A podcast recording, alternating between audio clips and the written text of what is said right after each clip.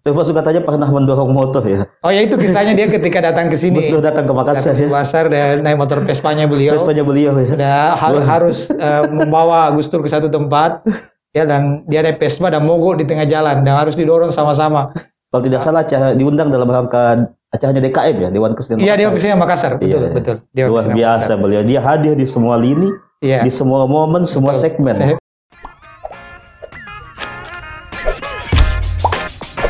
Welcome to Renaissance. Assalamualaikum Sobat Renaissance Eh, Hari Minggu Tanggal 2 Tanggal berapa kemarin itu ya Tiga hari setelah lebaran Tepatnya Tanggal 16 Mei eh, Indonesia dan khususnya Sulawesi Selatan berduka atas wafatnya seorang kiai karismatik namanya Andai Guruta Haji Sanusi Baco. Eh, Beliau adalah Rais Suryah NU Sulsel dan Ketua MUI Provinsi Sulawesi Selatan. Dan Beliau juga adalah salah seorang karib dari Kiai Haji Abdurrahman Wahid atau Gus Dur. Pada kesempatan kali ini kita akan membincang ya semacam in memoriam beliau, kesan-kesan dari salah satu santri beliau, namanya Bang Samsu Hijal, Dr. Samsu Hijal. Saya biasa memanggilnya Bang Ijal karena beliau senior saya. Mana kabar Bang Ijal? Alhamdulillah baik-baik saja Pak Dr. Sabara ya. Ini kami juga sangat berduka cita atas wafatnya Pak Iya. Kiai atau Andai Guru Haji Sanusi Baco. Saya kira seluruh rakyat khususnya Sulawesi Selatan Ya. ya, berduka atas kehilangannya salah seorang ulama kita. Beliau adalah sosok nomor satu. Betul. Dia bukan hanya milik NU, tapi Benar, milik benar. semuanya. Iya. Betul. Nah ini yang perlu juga sedikit diceritakan ini si- mengenai beliau dan ketokohan beliau.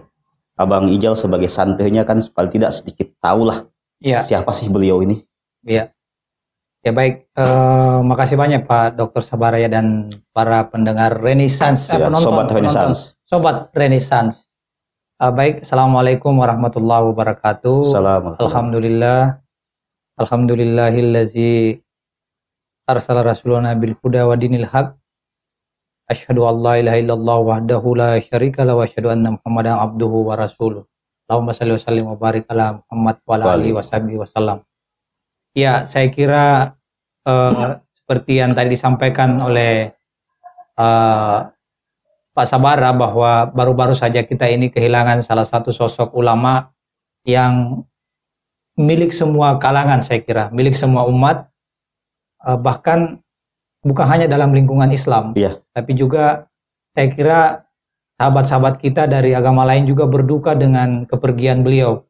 Dan itu juga terbukti dari eh, beberapa atau banyaknya pelayat dari kalangan agama di luar Islam, tokoh-tokoh yang datang untuk memberikan penghormatan terakhir kepada beliau eh, dan juga merasakan kesedihan ya. Ya. Dan juga saya di WA itu mendapat banyak eh, kiriman dari teman-teman yang di luar yang tidak sempat datang ke sini, Sulawesi Sulawesi Selatan, dari berbagai organisasi keagamaan. Ya salah satunya itu dari kawan kita dari Ahmadiyah misalnya Ahmadiyah, juga iya, ya. Itu juga mengirim perasaan duka cita yang sangat mendalam dan dia menyampaikan bahwa kami juga ini pernah berkunjung ke beliau dan diterima dengan baik Hmm. oleh Pak Kiai. Bahkan beliau itu mengirim foto-fotonya ya, Iya, iya. bagaimana beliau eh, berangkulan dengan Pak Kiai dan seterusnya. Dan saya kira juga terhadap agama lain seperti itu. Iya, iya. Dari ada testimoni salah satu mantan aktivis PMKRI juga Ya. menyebutkan itu. Ya, jadi bagaimana dia dulu dibesuk sama Pak Kiai Sanusi ketika Iya. sakit. Ya, pada saat itu kebetulan dia sakit dengan sama-sama dengan anak Satu PMI, kamar dengan satu kamar PMI, ya. PMI, lalu dia dijenguk juga dan didoakan, bahkan dibayarkan uang rumah sakitnya. Subhanallah. Pada saat uh, Iya, iya, keluar dia mau membayar, ternyata sudah dibayar oleh Pak Kiai Sanusi Baco LC. Eh, PMK itu pas sekutuan mas, pas satu mahasiswa Katolik ya. Maaf, ya, eh, eh, ini dari teman-teman PMKRI. ya. PMK ya.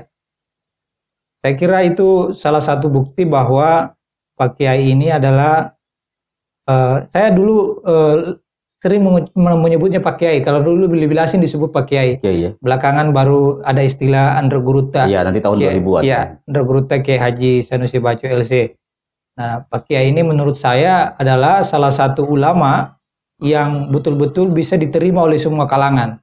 Ya, bukan hanya di dalam konteks Islam. kelompok Islam yang berbeda-beda, tetapi juga dari eh, agama-agama lain dari luar dari Kristen, ke Hindu dan seterusnya gitu.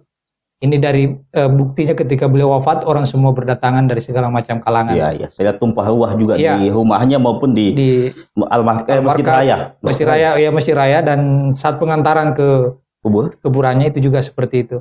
Itu saya kira yang bisa kita lihat secara awal ya dari beliau. Nah kalau eh, sebenarnya ya banyak sekali mungkin orang yang lebih senior dari saya yang jauh lebih dekat dengan Ya. Pak Kiai tentu saja ya banyak. Saya ini hanya bagian kecil saja yang kebetulan juga dulu eh, itu tertarik masuk di pesantren karena gara-gara nama Pak Kiai gitu. Oh iya ya, Abang Ijal kan santri sekaligus Iya. mahasiswanya dulu mahasiswa. ya. Iya, iya. Jadi saya diajar langsung oleh beliau maupun tidak langsung ya. Kalau diajar langsung itu di pesantren meskipun tidak rutin karena eh, sejak waktu saya di pesantren saja tahun 1989 Iya, sekitar itu di Pondok Madinah. di ya? Pondok Madinah, beliau sudah me- menduduki beberapa jabatan di organisasi Hmm. termasuk di MUI, di NU sudah ketua Iya. semua pada saat itu. Eh, mengajar di di IN waktu itu ya. Iya. Dan itu membuat tentu saja waktunya terbagi-bagi untuk Ya, berbagai iya. aktivitas itu. Sehingga untuk di pesantren eh, tidak menjadi eh, salah satu kiai yang mengajar kami secara rutin, Rutin, untuk iya, iya, pengajian kitab, tetapi sekali-sekali datang. Bahkan pengajian umum Pengajian, gitu. pengajian umum ya, atau pada saat ada acara-acara tertentu, dia dat beliau datang eh, membawa tauziah. Eh, adapun pengajian kitab itu eh, ya mungkin satu kali satu bulan beliau datang memberikan pengajian dengan kitab yang eh, tidak satu aja ya berubah-ubah. Kalau tidak salah pernah beliau membawakan kitab Sapinatun Najah, pernah tafsir Jalalain, Oh. pernah hadis eh, Riyadus Salihin dan seterusnya. Tapi eh, yang s- apa namanya meskipun beliau jarang datang tapi selalu ditunggu Iya, iya, oleh iya. para santri karena memang memikat ya. Jadi harismanya terasa sekali menguar di tengah-tengah kita itu ketika beliau hadir. Padahal waktu itu kan dia masih belum sepuh ya, baru usia 50-an tahun sudah Ya, keluar karismanya ya. Iya 89 itu Iya, berarti dia 52 tahun. Iya, 52. akan meninggal 84 ya Iya. sekarang ini.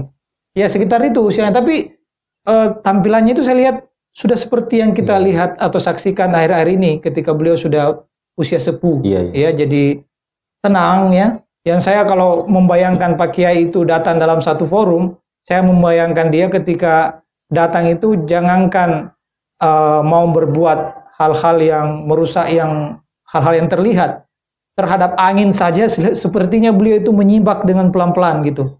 Iya, ya, tenang ya. tenang pokoknya. sekali ya naik ke mimbar dan cara menyampaikan baik dalam pengajian Iya. maupun tausiah kalau itu tenang. tenang mengalir tetapi tetap diselingi dengan Jok. eh, jok-jok yang eh, menurut saya cerdas ya iya, iya. betul. dan tidak berlebihan. Saya banyak beberapa Iya. kali mendengar tos. Ya, jadi tidak kehilangan substansi dari apa yang ingin disampaikan, tetapi juga eh, bisa menyegarkan suasana sehingga Iya. kita tetap tertarik untuk Iya. mengikuti eh, apa yang disampaikan oleh beliau. Nah, termasuk dalam pengajian seperti Iya, itu. iya, iya. Jadi dalam pengajian itu kita seperti diayomi oleh seorang bapak ya, Iya, iya, seorang guru yang sekaligus bertindak sebagai bapak kepada anak-anaknya sehingga kita merasa nyaman sekali ketika beliau memberikan pengajian. Hmm. Dan tentu saja eh, seperti yang saya sampaikan tadi, harisma auranya itu yang menguar sehingga terasa sekali kita merasakan barakana Oh, ya berkah ya. berkah, Ya, ya, ya, ya. berkah. Makanya setiap habis peng- pengajian beliau itu pasti kita rebutan untuk Cium tangan. cium tangan. Karena terasa sekali kita ini penting untuk mencari berkah dari beliau. Karena bagi kita ini orang-orang pesantren eh, bukan sekedar ilmu itu diperoleh secara materi ya bahwa Iya. kita dapat A sampai Z ilmunya, tetapi juga yang paling penting adalah Barakahnya. apakah ada barakahnya di dalam barakahnya. setiap kata-kata yang disampaikan oleh Pak Kiai itu dan sampai kepada kita. Kalau hanya sekedar material ilmunya saja tapi barakahnya Ya. dalam ilmu itu tidak ter- tidak sampai Itu kehing. itu kering yang rasanya. Ya, saya juga beberapa kali mengikuti tausiah beliau dan eh, ya beliau sering ada hal yang berulang-ulang, tapi tetap aja tidak Iya. tetap kita merasakan Nah, ini mungkin tantangan bagi Iya. kita yang eh, para Mubalik. generasi mubalik selanjutnya ya Iya, eh, soal ber- berkah itu tadi. iya, iya. Karena beliau tidak pernah kita merasa garing Meskipun dia sudah Meskipun ya berulang-ulang. ada beberapa materinya itu sudah diulangi beberapa kali. Termasuk joknya yang berulang-ulang, kita tetap ketawa gitu. Tapi kita ketawa dan tetap kita me- menyimak dengan hikmat Iya, iya. iya. karena memang terasa ada hal yang berberkah di situ yang Iya, iya, iya. mengalir. Ya mungkin inilah yang disebut kalau berasal dari hati, nyampainya juga ke hati kan kira-kira Iya, iya, begitu. iya. Nah, ada satu yang pengalaman menarik saya, Pak Dr. Sabara, yang saya kira ini eh, kisah saya dulu waktu masih santri ya. Ketika itu kami kebetulan eh, saya menjadi pengurus istilahnya kalau di pesantren saya itu OSPOM, Oh, organisasi santri pesantren Pondok Madinah, OSIS lah ya. Iya, OSIS ya. OSIS kalau di SMA. Nah, kebetulan saya waktu itu dipercaya jadi ketua sama teman-teman, lalu mengurus satu kegiatan. Saya lupa persis kegiatannya, tapi kalau tidak salah ingat itu adalah latihan dasar kepemimpinan.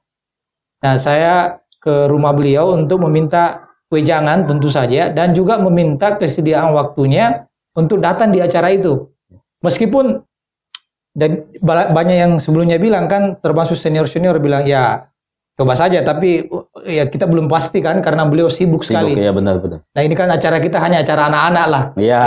Anak-anak SMA aja yang punya acara ini gawean. Eh saya ke sana lah ke beliau menghadap ya seperti yang mungkin juga saya sudah tulis itu beliau menghadapi kami itu sama hormatnya dengan menghadapi kalau orang-orang besar yang Iya, datang iya, iya, iya. gitu ya. Dia- anak-anak yang datang- anak-anak yang datang saya masih SMA waktu itu. Jadi ya siapa sih saya ini? Iya, iya benar waktu itu masih siapa, siapa beliau? siapa beliau dan Iya, siapa saya yang iya. sangat jauh sekali jaraknya tetapi beliau misalnya menyuguhkan makanan ke kami mempersilahkan mak untuk makan lalu bertanya apa jadi Apa ya, ya, keperluan. kami menjelaskan saya kami dari sini dia dia tekun menyimak kami selesai bicara lalu memberi masukan-masukan apa yang harus perlu dilakukan kalau latihan kepemimpinan misalnya kan Iya. setelah itu kami minta apakah Bapak punya kesediaan waktu. Nah, tam sambil tidak punya harapan yang besar ya, Iya, iya, ya, iya, sekedar bisa kalau ada alhamdulillah, kalau tidak ada juga kami memang sudah siap. Iya. Ternyata tidak, beliau langsung pergi minta salah satu anaknya untuk ambil kalender. Iya. Coba diambilkan kalender. Saya lihat di kalendernya itu memang sudah banyak jadwal kan. Iya, iya. Tapi ada beberapa di situ yang kosong lalu dia tunjuk, bisakah acara anak-anak anak-anakku ini dilakukan pada hari ini? Tanya. Ya kan kami ikut karena memang kami Hmm. Iya, iya, kami bisa. Ya, insya Allah saya kami akan hadir. Jadi saya kami merasa loh, ini kami sebenarnya acara yang, Kehormatan yang luar biasa Iya, ya. Acara menurut saya acara kami ini tidak Iya, penting. iya, enggak penting ya Nggak maksudnya penting. anak LDK, Anak LDK, SMA, SMA ya. di Iya, iya, di iya. tengah kesibukan beliau ini tapi tetap saja Pak Kiai itu meluangkan waktunya dan pada hari hanya itu datang untuk eh, Memberikan apa, materi memberikan materi sekaligus semacam ceramah umum kita ya. Kebanggaan dan kemuliaan Iya, betul. pada kegiatan-kegiatan kita. Dan itu berlanjut Pak Sabara. Dalam masa-masa saya menjadi mahasiswa kegiatan kecil-kecil itu beliau datang kepada kita. Jadi eh, ini yang saya kira menunjukkan bahwa beliau menempuh jalur dakwah itu sebagai pilihan pengabdiannya kepada umat Iya, jadi iya. bukan bagian dari cara beliau untuk misalnya menambah pundi-pundinya. Iya, jadi bukan profesi tapi bukan dedikasi. profesi, dedikasi. Iya, dedikasi. Persis. Jadi itu adalah dedikasi beliau eh, bagian dari mengabdi kepada umat dengan memilih jalur dakwah. Saya mengibaratkan ini kalau eh, mengutip Ibnu Athaillah kan Iya. ada dua eh, orang yang berilmu itu pilihannya. Bisa memilih untuk bersunyi-sunyi di kamar, Ya, me- menulis ilmunya lewat buku-buku, tapi bisa juga turun ke masyarakat Masyarakat. membumi di masyarakat, bergaul dengan masyarakat. Nah, Pak Kiai ini memilih untuk menjadi bagian dari masyarakat. Jadi eh, dia istilahnya itu tidak memilih berumah di atas angin, Atau menara gading ya, atau tinggal menara di gading, ya. ya. Tapi dia mencoba berbaur dengan masyarakat lewat jalur dakwah. Iya, iya. Nah, karena itu Pak Kiai kalau diundang sama orang kaya atau pejabat dia datang. Iya. Tapi kalau diundang oleh rakyat jelata dia juga datang, iya. gitu. Yang penting ada waktunya. Ada waktunya. Iya, iya. Itu. Kalau dia dipanggil oleh orang untuk ceramah di hotel, dia datang, Datang. kalau ada waktunya. Iya. Tapi kalau dipanggil juga di lorong-lorong, dia tetap datang Nah, kalau ada juga kan waktunya. di lorong. Di lorong. Rumahnya Iya. di lorong kan Di susah. lorong. Iya, mo- mobil Jadi, pun susah masuk kan di rumahnya. susah masuk Iya, gitu. iya. Dan eh, kalau kita tahu lah ya Iya, iya. Di tempat beliau itu kan eh, dulu terkenal, mungkin juga sampai sekarang Iya, bahwa iya. ini daerah yang Texas lah. Texas gitu. lah gitu, Iya, kira-kira iya, ya iya. Kelapa Tiga. Tapi beliau selalu bercerita bahwa eh, tempat saya ini masih menjadi dilihat sebagai simbol moral, Moral. oleh orang-orang di sekitar kami gitu.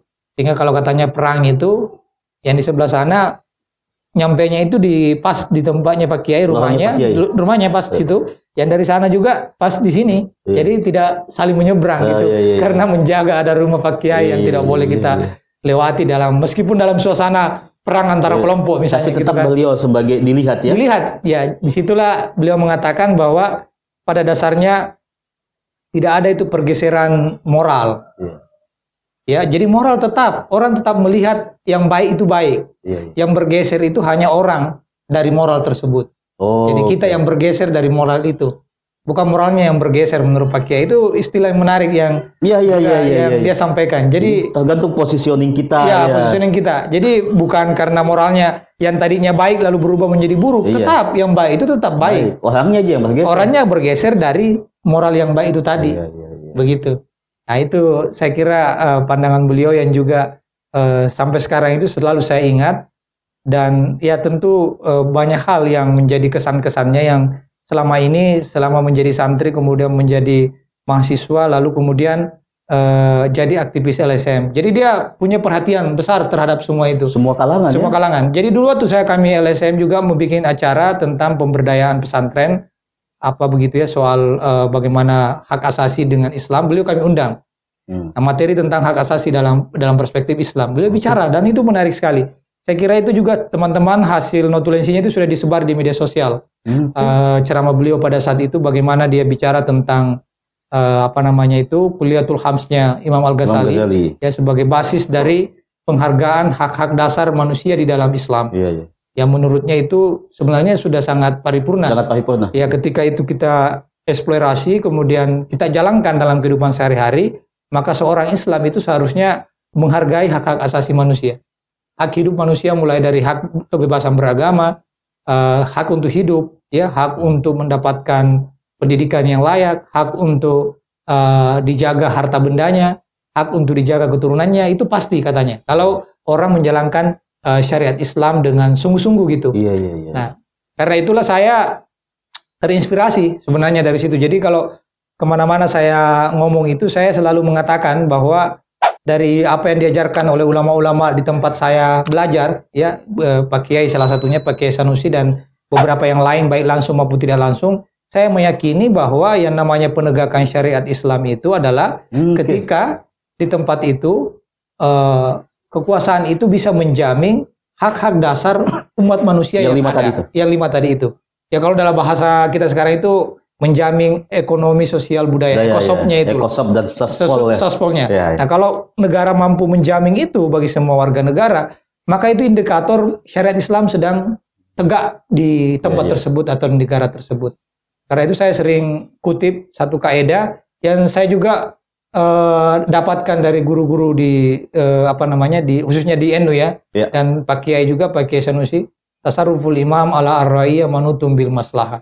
Jadi kewajiban seorang pemimpin itu adalah mendatangkan kemaslahatan Bagi ke bagi seluruh Sudah. rakyatnya. Dan kemaslahatan itu adalah menjamin eh, pondasi lima pondasi dasar tadi itu lima tadi terpenuhi itu dari lima tadi itu. Itu yang saya kira eh, luar biasa dari Pak Kiai.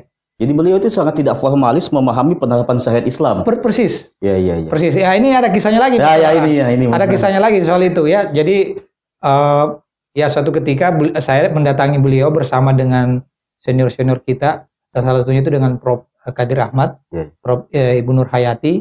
Kami mau bicara soal eh, syariat Islam itu sebenarnya apa gitu kan. Saat itu eh, kebetulan eh, sahabat-sahabat kita, kawan-kawan kita ada yang lagi Getol, betul ya, ya, untuk Islam. melakukan formalisasi syariat Islam.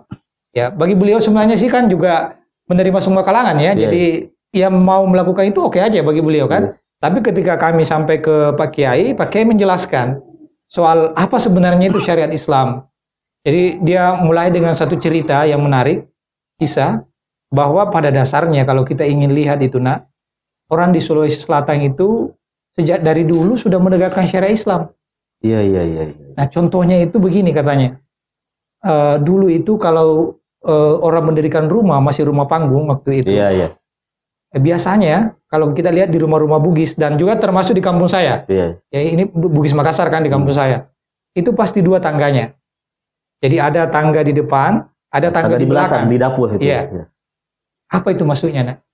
Nah, dia bilang, Anda ingat pasti tahu bahwa ada hadis Nabi, eh, apa layu minu alukum hatta yukrim lidaipi Iya lidaipuhu lidaipihi. Jadi tidak beriman di antara kalian sampai dia menghargai tamunya. Iya. Nah, orang Bugis itu sangat menghargai tamu. Jadi kalau ada tamu yang datang, tidak ada orang Bugis Makassar yang merasa hatinya enak kalau tidak menyuguhkan apa saja, meskipun hanya sekedarnya. Yang penting ada, Iya. meskipun hanya sekedar teh atau kopi gitu. Nah, kadang-kadang katanya ada satu rumah yang datang tamunya, kebetulan tidak ada kopinya atau tidak ada gulanya. Maka tangga di belakang itu adalah tempat dia turun Hmm. untuk ke seberang ke tetangganya yang lain meminta Engkau cede kopi tak kapang atau ada gulata mungkin sedikit. Kebetulan ada tamuku. Saya masuk ke tetangganya kasih dia. Jadi tangga belakang itu adalah tempat dia untuk meminta bantuan tetangganya gitu. Iya, jadi tanpa diketahui Tanpa tamunya. diketahui tamunya. Iya, iya. gitu kan? iya. Karena kan tidak enak kan. Sama Iya, iya. dengan kira-kira kisah dulu Rasulullah itu didatangi tamunya lalu memadamkan Lampu. lampunya. Ada sahabat Rasul. Eh, sahabat Rasul ya, sahabat Rasul. Dia pura-pura makan. Iya, karena Hanya cukup untuk satu orang. Untuk Satu orang. satu, Iya, satu orang. iya. Sama ini. Jadi sangat substantif Secara memahami. substansif. Jadi menurut dia, Islam. lah ini kan syariat Islam katanya Iya. ini. Syariat Islam. Orang rela ke belakang diam-diam seakan-akan dia punya apa namanya Sesuatu. sesuatu, padahal semuanya tidak ada Iya. demi untuk menyuguhkan makanan kepada tamunya gitu. Iya, iya. Itu ajaran beliau yang sangat membekas di dalam hati saya dan lalu dia melanjutkan itulah yang disebut dengan hikmatut tasyri. Hikmah. hikmatut tasyri. Jadi semua syariat itu sebenarnya katanya ajaran syariat itu tidak hanya semata-mata kita lihat pada teksnya. Ya, apa yang menjadi hukumnya. Ya, Hmm. misalnya perintah tentang berbuat baik kepada orang lain Hmm. misalnya. Tetapi hikmah di balik itu apa? Gitu. Nah, orang-orang Bugis ini katanya itu memahami sampai kepada tingkat hikmah. Hikmatut Hmm. tasyri itu Aspek terdalam ya dari syariat. syariat. Itu Nah, katanya iya. menjalankan syariat. Di sini saya Ah. semakin memahami tulisannya Bang Ijal ini. Iya. Nah, di sini nih. Eh, Kiai Haji Sanusi. Eh, Iya. apa? Kiai Kiai yang membumi. Kiai yang nah, di membumi. belah Makassar Iya. eh, at kemenak.go.id. Ya, jadi beliau membumi termasuk dalam memberikan penjelasan. ya. Jadi contoh-contohnya bukan diambil dari negeri yang jauh, Iya, tapi dari yang seki- sekitar kita. ini. Iya. Ah, ada yang menarik dari tulisannya Bang Ijal itu. Iya, Mengutip Ernest Gelner. Gellner tentang beliau ini penanda ruang dan waktu. Iya. Gimana itu coba? Ya, jadi eh, salah satu ciri khas ulama atau tokoh agama karismatik ya itu salah satunya itu mengerti fungsi eh, ten- tentang ruang dan waktu ini. Agama yang berfungsi untuk menandai ruang dan waktu. Artinya apa? Dalam eh, seluruh segmen kehidupan masyarakat kita ini kan banyak sekali ritus-ritus yang dilakukan ya. Iya. Mulai dari ritus kelahiran sampai Siklus hidup ya. siklus hidup Sampai mati. Sampai mati. Hmm. Nah, di situ harus agama selalu menandai itu. Ya bentuknya macam-macam. Mungkin mungkin dalam tradisi kita itu adalah ada barasanji dalam setiap uh, upacara-upacara. Itu men- menjadi penanda bahwa agama hadir di dalam Semua uh, semua uh, itu. Tetapi tidak hanya itu. Pak Kiai ini menempatkan dirinya sebagai simbol untuk menunjukkan bahwa agama hadir dalam semua uh, ruang-ruang uh, waktu yang dilakukan oleh masyarakat itu. Jadi dia hadir ketika misalnya ada acara nusul Quran, dia hadir ketika acara Maulidan, Isra Mi'raj, Akikah. akikahan dan sebagainya. Meskipun itu dia lakukan masyarakat, karena dia ingin bahwa agama itu kelihatan pada hadir semua momen. pada semua momen-momen Iya, yang iya. penting di dalam kehidupan masyarakat sehingga terasa Hmm. bahwa semua perayaan keagamaan yang dilakukan oleh masyarakat ini itu adalah perayaan yang terkait dengan keagamaan. keagamaan. Jadi ingin agama itu membumi hidup tanpa harus formalis. Iya, ya betul bahwa ada eh, misalnya keinginan untuk melakukan formalisasi syariat Iya. Islam, tapi beliau memilih jalur kultural semacam Kultural, itu. iya iya iya iya. iya. Jadi agama itu selalu muncul sebagai penanda dalam semua ruang-ruang aktivitas kehidupan masyarakat khususnya dalam konteks siklus kehidupan itu. Dia hadir di situ. dan adaptasi kulturalnya kan luar biasa. Luar biasa. Jadi soal bagaimana cara dia melaksanakan itu kan Pak Kiai ya mungkin tidak tidak di situ dia mempermasalahkannya kan. Iya. Saya mungkin ada sebagian ustaz yang mempermasalahkan kalau akikah kok ada begini dan ya, sebagainya. Bukan di situ, tapi yang jelas bahwa itu menunjukkan agama hadir di agama situ. hadir di situ. Dan salah satunya itu adalah kehadiran sosok seorang kiai. Kiai. Agama yang bu- tidak dir kebudayaan. Nir- nir- tidak- tidak dir tidak kebudayaan itu yang Iya. paling penting. Ini saya ingat dengan eh, ada ceramahnya eh, Gus Baha, ya. Oke, Gus Gus Bah. Baha, Gus Baha bilang eh, ada katanya yang bertanya, ya ini lebih kurang begitulah ya. Iya. Saya tidak detailnya saya tidak bisa hafal betul. Eh, ada yang bagaimana kalau kita seorang ulama diundang datang ke acara-acara yang kita tahu acara itu ada unsur-unsur kejahatan di sana. Misalnya mungkin ada Ada sau, ada, ada- judi. ada gitu. judi Iya, ya, iya. misalnya seperti itu. Iya. Kata tapi seorang kiai diundang sana untuk baca doa atau apa kan Iya, gitu. iya. Apa jawabannya Gus Bah? Harus datang. Karena jangan sampai yang mengisi doa itu adalah orang yang justru tidak memahami. Nah, jadi kita mengisinya itu agar pada pros persoalan berdoanya itu benar di situ. Iya, iya, iya. Nah, ini saya memaknai itu sama dengan itu tadi bahwa Iya, iya. penanda agama itu harus tetap hadir dalam eh, se- Iya, seluruh iya. segmen kehidupan masyarakat meskipun kita tidak sepenuhnya bisa menghilangkan bahwa di situ ada unsur yang tidak sesuai dengan Iya, agama. iya. Ya, jadi ya apa yang tidak bisa dilakukan secara keseluruhan ya sebagian Iya. dulu lah. Ya, Istilahnya polan-polan. Pola ah, Ah, pola, itu pola. sudah. Iya. Ya. Begitu, itu yang saya lihat dari Pak Kiai ya. Jadi mau- jadi ini tafsir, tentu saya tafsir ya. Ya, ini ya. sudah tafsir saya dalam Seorang membaca Pak Kiai, ya. tafsir seorang santri terhadap Kiainya bahwa Pak Kiai itu ingin hadir dalam semua momen-momen kehidupan di masyarakat. Ya karena itu tadi, dia ingin bahwa kelihatan itu agama ada di dalam semua Semua momen. momen-momen kehidupan yang penting di Dan dalam semua segmen. masyarakat dalam, dalam semua segmen. Iya, iya. Sehingga apa yang kita sebut bahwa eh, agama Islam itu betul-betul membumi Iya, dan iya. dijalankan oleh masyarakat itu terjadi gitu. Buktinya, loh pada saat saya akikah ada Pak Kiai kok. Iya. Iya kan? Pada Pada saat saya tahlilan, tahlilan ada Pak Kiai Iya. hadir. Jadi ini menjadi bagian dari acara keagamaan gitu kira-kira. beliau Itu mengkontekstualisasikan salih likuli zaman wa makan. betul. Seperti itu ya. Iya, luar biasa Ya, itu iya. beliau. Iya, luar biasa. Nah, beliau ini kan ternyata salah satu karib Gus Dur ya, meskipun usia sedikit lebih tua. Ya, Ada nggak kisah-kisah beliau dengan Banyak sih. Gus Dur. Ya itu juga saya kira ada beberapa yang sudah sering dengar eh, kisah dia beliau dengan Gus Dur itu salah satunya ketika eh, Pak Kiai itu eh, perjalanan menuju ke Mesir bersama Gus Dur. Iya, Itu kan naik kapal katanya waktu itu menurut Oh, masih naik kapal naik ya? kapal menurut ke- cerita Pak Kiai. Mana Gus Dur ini memang eh, ahli jok-jok Iya, iya. dan joknya itu selalu baru katanya Pak Kiai. Hampir tiap hari eh, Gus Dur itu cerita oh, jok-jok tertentu sehingga perjalanan ke Mesir itu tidak membosankan. Hmm, Kalau tidak ada Gus Dur katanya bisa bosan sekali satu Iya, bulan kok di kapal. di kapal. Nah ada satu kisahnya itu satu ketika Gus Dur ambil uang uangnya uang yang dibagikan dia bilang eh eh, ayo ke sini semua. Ini ada orang jalan di dalam uang saya. Datang katanya semua orang ngumpul. Mana Gus? Mana aduh kalian terlambat katanya. Ini kan tadi di jalan sini tapi sudah belok ini. Ada pembelokannya di sini jadi sudah hilang ini orangnya katanya. Itu cerita cerita Gus Dur katanya kepada Pak Kiai gitu. Termasuk katanya pernah mendorong motor ya. oh ya itu kisahnya dia ketika datang ke sini. Gus Dur datang ke Makassar datang ke ya. pasar dan naik motor Vespanya beliau. Vespanya beliau ya. Udah ha- harus eh, membawa Gus Dur ke satu tempat.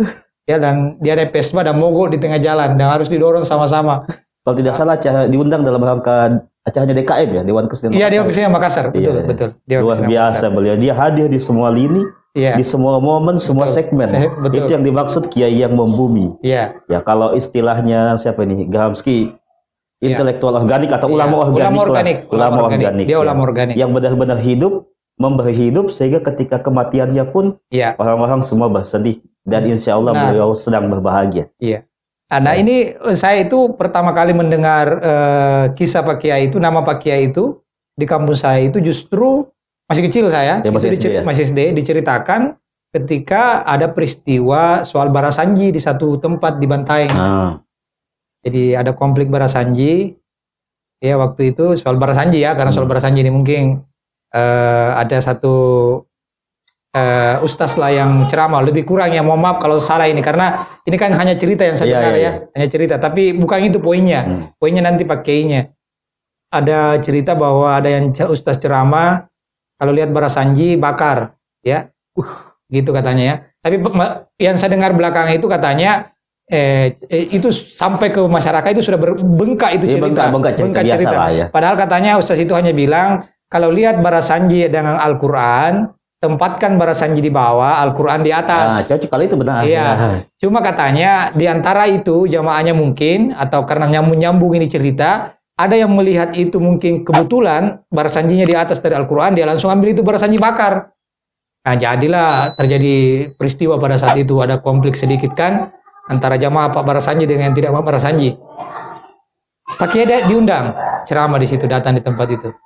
Nah, Pak Kiai itu ketika eh, sampai ke sana, dia menempatkan dirinya secara bukan menjadi milik satu salah satu kelompok. Kita tahu lah Pak Kiai sebagai bagian Iya. dari NU tentu eh, barasanjian kan. Iya. Tapi dia tidak menjadi eh, apa namanya memposisikan dirinya sebagai orang yang betul-betul membela ini kelompok yang barasanji kan. Hmm. Tapi dia ceramah pada saat itu ya kalau ceramahnya detailnya saya tidak tahu karena ini cerita saja saya dengarkan.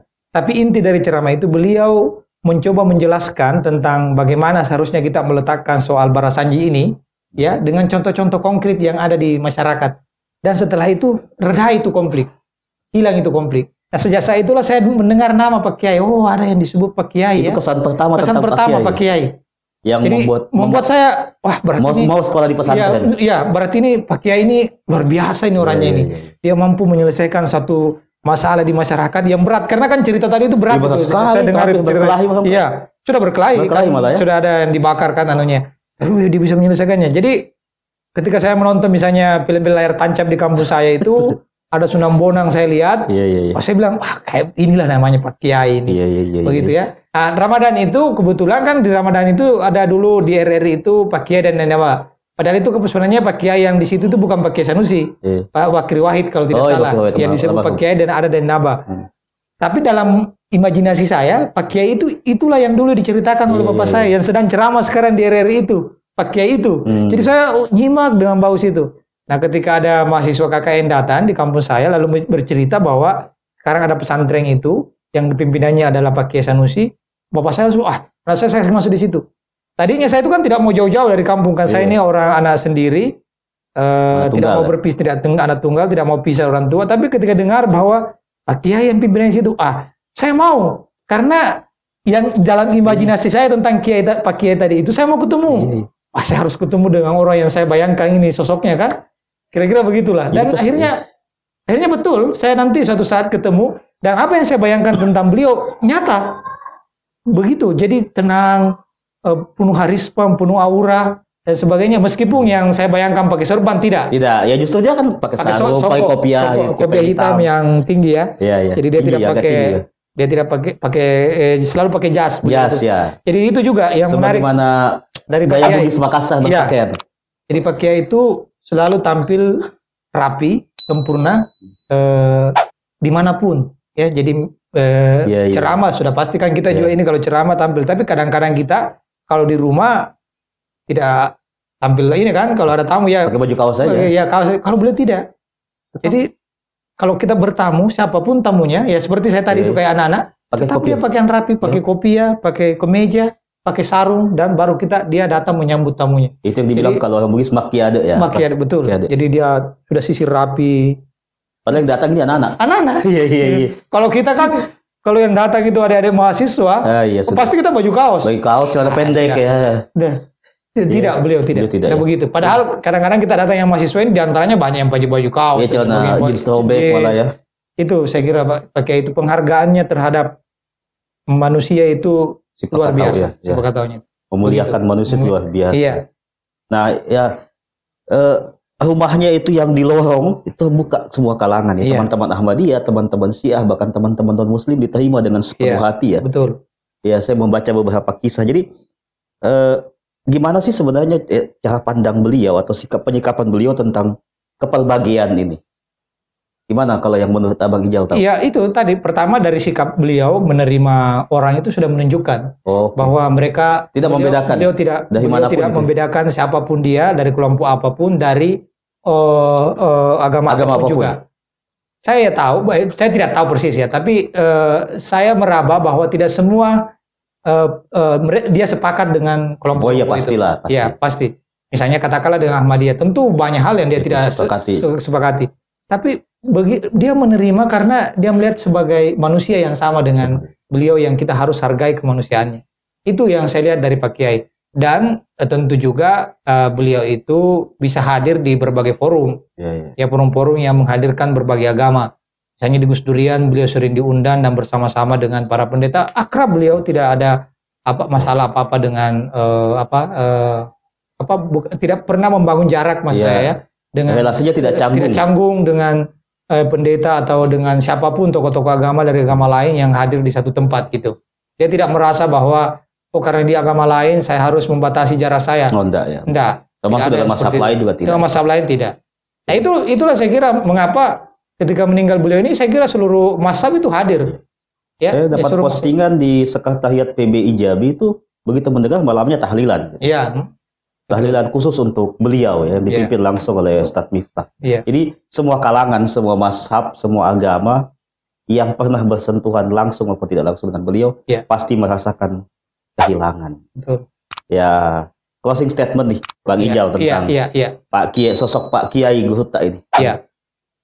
Apa kira-kira yang Ya, eh, pertama eh, ya tentu saja kita masih mengharapkan akan muncul ulama yang seperti beliau nanti ke depannya iya, ya iya, iya. untuk melanjutkan estafet keulamaan di khususnya di Sulawesi Selatan. Selatan. Karena eh, kalau tidak ada ulama, saya kira Iya. kehidupan kita menjadi kering. Kering benar. Kalau dai-dai banyak, tapi eh, yang bisa menjadi ulama itu yang penting. Yang menjadi us, bisa menjadi uswah ya, teladan. Betul. Jadi kalau memakai kategorinya Prof Kadir Ahmad kan ya ada ustaz, ada guruta, yang ada andro guruta Oh, kan. ya, Di buku lama Bugis ya. Di buku Lang Bugis. Kita membutuhkan ini yang andro guruta ini dalam konteks kehidupan kita yang sekarang ini.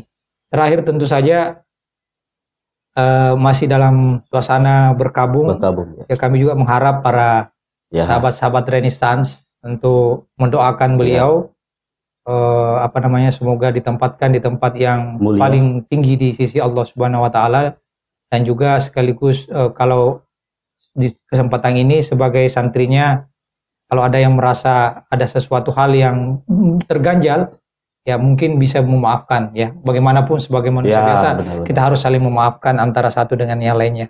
Saya kira itu aja poin saya eh, eh, sebagai juga closing statement dalam diskusi kita yang ya bincang-bincang bincang-bincang ya, bincang-bincang eh, dengan sahabat eh, Renaissance pada eh, kesempatan kali ini.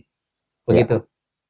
Demikian sobat Ya. Renaissance. Terima kasih Bang Ijal. Jadi saya mengulangi apa yang dikatakan Bang Ijal, memohon kesediaan sedikit waktunya tidak hanya membacakan surat Al-Fatihah Ya, terakhir kita sama-sama baca surah Al-Fatihah. Andai Gurta Kiai Haji Sanusi Bacok.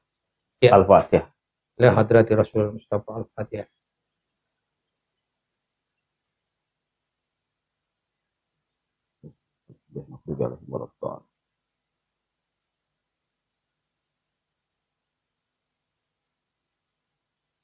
Terima kasih. Terima kasih. Assalamualaikum warahmatullahi wabarakatuh. Terima kasih Bang Ijal.